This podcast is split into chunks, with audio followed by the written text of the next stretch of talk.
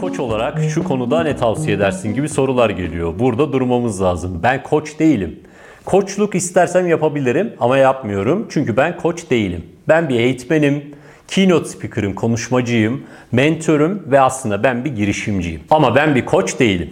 Bu videoyu konuyu anlayamayanlar ya da gerçekten samimice mevzuları anlamak isteyenler için çektik. Koç nedir? Eğitmen nedir? Konuşmacı, keynote speaker bu nedir? Mentor nedir? Tam olarak bunlar nedir? Çünkü insanların kafası karıştı. İnsanların büyük bir kısmı bunların hepsi aynı şeyler herhalde gibi düşünüyor. Aslında mevzu böyle değil. Artık bu işi netleştirmenin zamanı geldi. Bu videoyu sonuna kadar izle. İçeride çok çok önemli bilgiler var. Şimdi koçlukla başlayalım. Koçlukta bir tane koç var, bir de koçi var. Koçi diyorlar. Koçi dedikleri koçluğa katılan kişi. Hadi biz buna danışan diyelim. Koçun ana amacı müşterisinin ya da ya da danışan kişinin yolu kendisinin bulmasını sağlatmak. Sağlatmak. Koç çözüm üretmez. Koçluk terapiye çok yakın bir meslek. Psikologluğa da çok yakın bir meslek. Bunlar ne yapar? Bol bol dinlerler, doğru soruları sorarlar. Müşterisinin, o danışan kişinin düşüncelerini doğru bir şekilde toplamasını tetikler. Bunları yapan kişinin adı koçtur.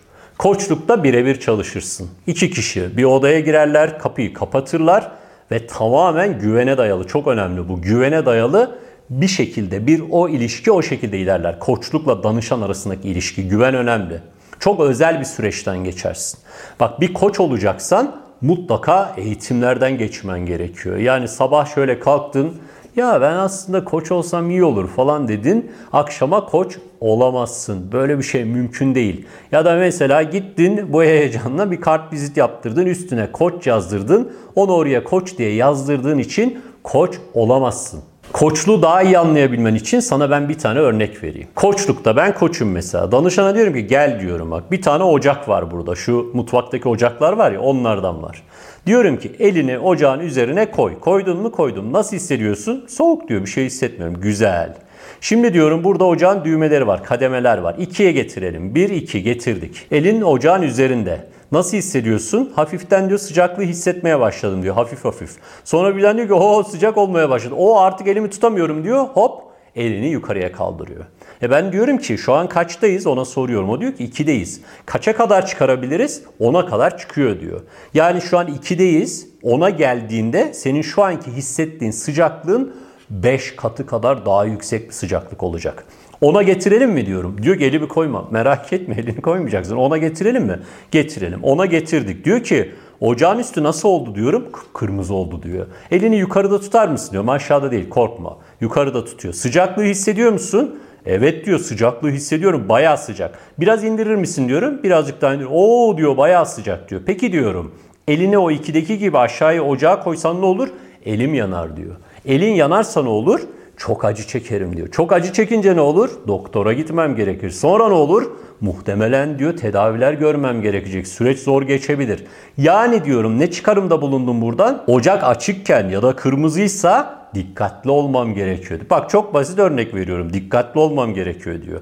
Ne yaptım bak? Kişi kendi sonucuna kendi ulaşmış oldu. Koçluk zaman gerektirir bak deniyorum 2, 10 falan zaman gerektirir. Bazen müşterin verdiğin örneği anlamayabilir. O zaman ne yapman lazım? Farklı örnekler vermen gerekiyor. Başka sorular sorman gerekiyor. Başka şekilde tanımlar yapman gerekiyor. İşte bu verdiğim örnekteki mevzunun adı koçluk. Elini ocağa koyma, yanarsın demez koç. Sana sorular sorar, sen de o sorularla çıkarımda bulunursun kendin bir sonuca ulaşırsın. Ocakla ilgili kendisi bir sonuca ulaştı. Şunu şöyle yap, bunu böyle yap, onu da öyle yapma. Böyle şeyleri koç demez. Birçok yöneticinin, liderin, mesela CEO'ların koçları vardır. Bak çok iyi sporcuların da koçları var antrenörlerinin dışında. Ama çok iyi koçlar çok fazla bilinmezler. Çok ön planda olmazlar. Yani büyük bir şirketin CEO'su ben şundan koçluk alıyorum falan böyle şeyleri söylemek istemez çok fazla bilinsin istemez. Neden böyle? Koçluk dedim ya bir nevi terapi gibi aslında. Özellikle Türkiye'de insanlar ya benim hayatım çok kötü gidiyor. Ben terapiye gidiyorum. İşte şartlar çok zorlaştı. Ben bayağı bir kötüyüm. Terapiye gidiyorum. Bunu pek daha hala dillendirmekten hoşlanmıyorlar. Aynı şey işte koçlukta da böyle olabilir. Özellikle mesela bir CEO, genel müdür, bir yönetici bir koçtan destek alıyorsa diğerleri tarafından bu zayıflık olarak algılanabilir. Neden böyle bakarlar? Tam bir liderlik becerisine sahip değil misin yani destek alıyorsun? E CEO oldun neden hala daha yardım alıyorsun? İnsanlar böyle düşünebilir. Bu düşünce doğru yanlış da değilim ben. O fotoğrafa bakıyoruz. O yüzden insanlar iyi koçlarla çalıştıklarını çok fazla söylemezler. Genelde koçlar tavsiye üzerine çalışır. Yani bir CEO çok memnun kalır bir koçtan, başka bir CEO'ya bu koçu tavsiye eder. Koçluğu anladık değil mi? Şimdi geldik keynote speaker'la. Yani konuşmacı. Keynote speaker'da bir tane konun vardır tamam mı? Bu konuda iyisindir. Bununla ilgili 30 dakika, 1 saat, 90 dakika kitlelere konuşmalar yaparsın. Konuyu biraz daraltırsın, sıkıştırırsın. Temel seviyede anlatırsın. Çok derinlere girmezsin. O yüzden bu konuşmalarda çok fazla derinlik olmaz. Daha çok ne vardır? Duygu ön plandadır. Yani keyif verirsin, insanları duygulandırırsın, biraz güldürürsün, coşku verirsin. Karşında mesela business bir iş kitlesi varsa biraz içerikte business'a doğru gidersin. Kazançta nasıl dersen keynote speaker'lar koçlara göre daha yüksek kazanırlar. Yani çok iyi kazanan koçlar var tabii ki. Genel olarak söylüyorum bunu. Keynote speaker'lar koçlara göre daha iyi kazanır. Birisi iyi bir koç olunca iyi bir konuşmacı, keynote speaker olacak diye bir şey yok ya da tam tersi. Yani şöyle düşünmen gerekiyor. Futbol ve voleybol. İkisinde topla oynuyorsun ama oyunlar farklı. Böyle bak. Geldik üçüncü başlığa eğitmenlik. Eğitmenin genel amacı ne? Katılımcılarının, o eğitime katılan kişiler var ya, onların davranışlarının değişmesi. Eğitim birazcık daha küçük gruplarla olur. Eğitmenler daha küçük gruplarla çalışırlar. Bir gün sürer, tam gün, iki gün sürer, bazen beş günlük sürer böyle tam gün, sabahtan akşama kadar. Bazen büyük gruplarla da yaparsın. Mesela bizim retorik kampı var. İki tam gün devam ediyor. Büyük grupla yapıyoruz. Eğer eğitmensen anlattığın konuyla ilgili yetkinliğin olacak. Bir, tecrüben olacak. iki, yani bilgi birikimin olacak. Bu mutlaka önemli. Bir de işin uygulama kısmını bileceksin. Yani hayatında anlattığın şeyleri yaşamış olman lazım. Yaşantıların olacak bununla, yaşanmışlıkların olacak. İnsanların öngörülerini değiştirebilme gücünün olması gerekiyor. Eğitiminin içeriğinde mesela derinlemesine bilgi olacak, pratik bilgi olacak, uygulamalar olacak, duygular olacak. Bunların hepsinin olması gerekiyor. Role play'ler olacak, grup çalışmaları olacak. Eğitmen katılımcılarına yetkinliğinin ve tecrübesinin olduğu konuyu uygulamalı bir şekilde aktarır. Eğitmen gelire bakalım. Koçtan daha fazla kazanır, keynote speaker'dan biraz bir tık aşağıda kazanır. Genel olarak söylüyorum ama bunu. Şimdi mesela kurum eğitimlerinde kurumlar çalışanlarına eğitimler aldırırlar. Kurum eğitimlerinde eğitmenle ilgili seçimi genelde eğitim birimi yapar ya da insan kaynakları yapar. Bizim şu başlıklara ihtiyacımız var. Bu başlıkları hangi eğitmenlerden alabiliriz? Şöyle bir piyasayı araştırırlar. Bu şekilde ilerlerler. Bazen de şirketteki birimler kendileri bir arayışa girer. Mesela satış birimidir. Satış biriminin yöneticisi der ki bizim satış eğitimine ihtiyacımız var. Satış eğitmeni bakarlar.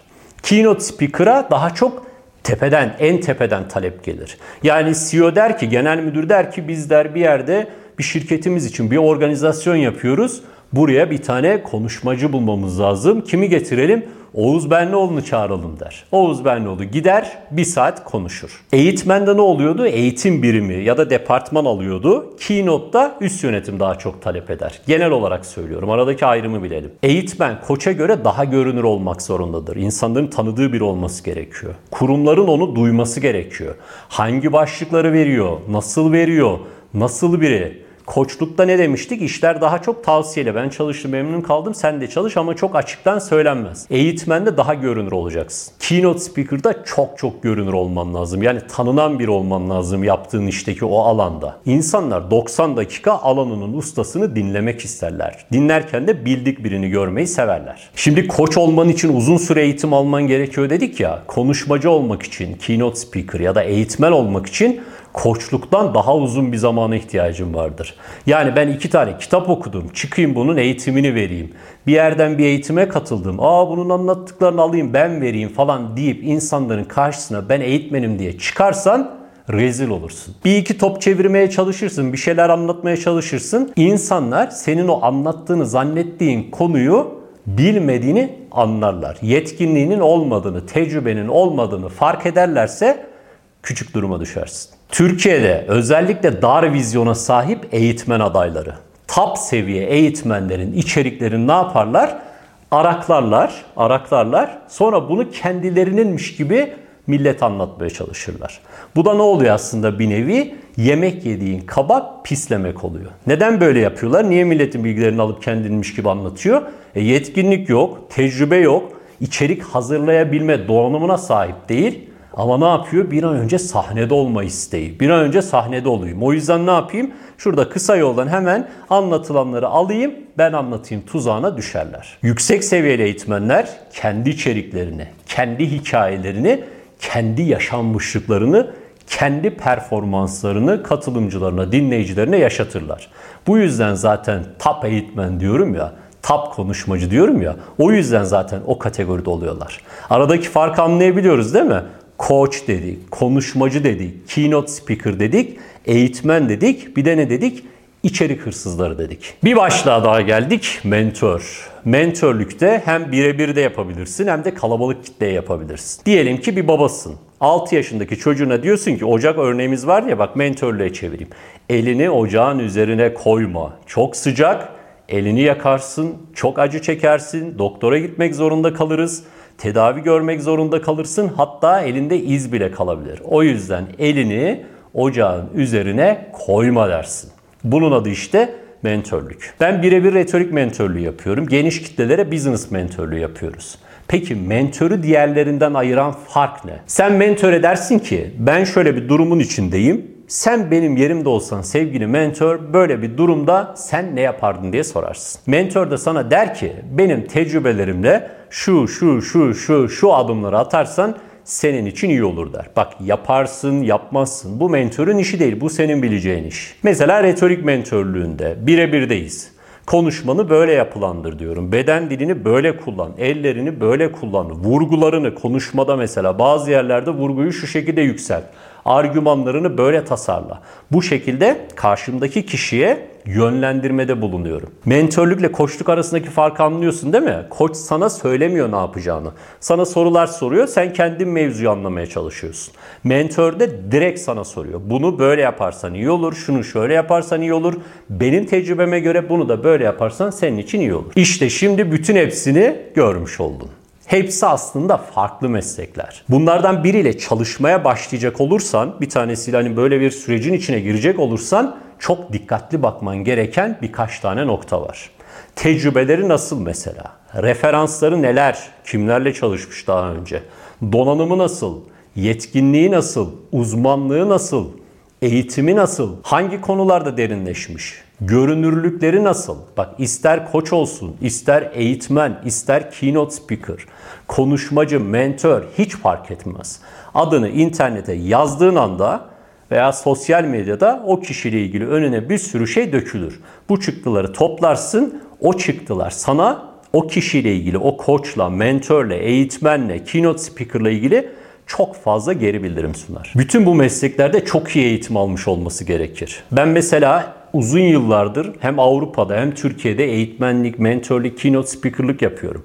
Almanya'da sadece bu iş için iki buçuk yıllık çok yoğun bir eğitmenlik, mentorluk programından geçtim. Çok ağır bir programdı, sert bir programdı. Öyle hani yaptık geçtik gibi bir şey değil. Yapamadığında geçemiyordun yani. Bir sürü engel var ki iyice pişesin. Üstüne bir de koçluk programını tamamladım ama ben koç değilim. Benim çok uzun zamanımı aldı bu süreç.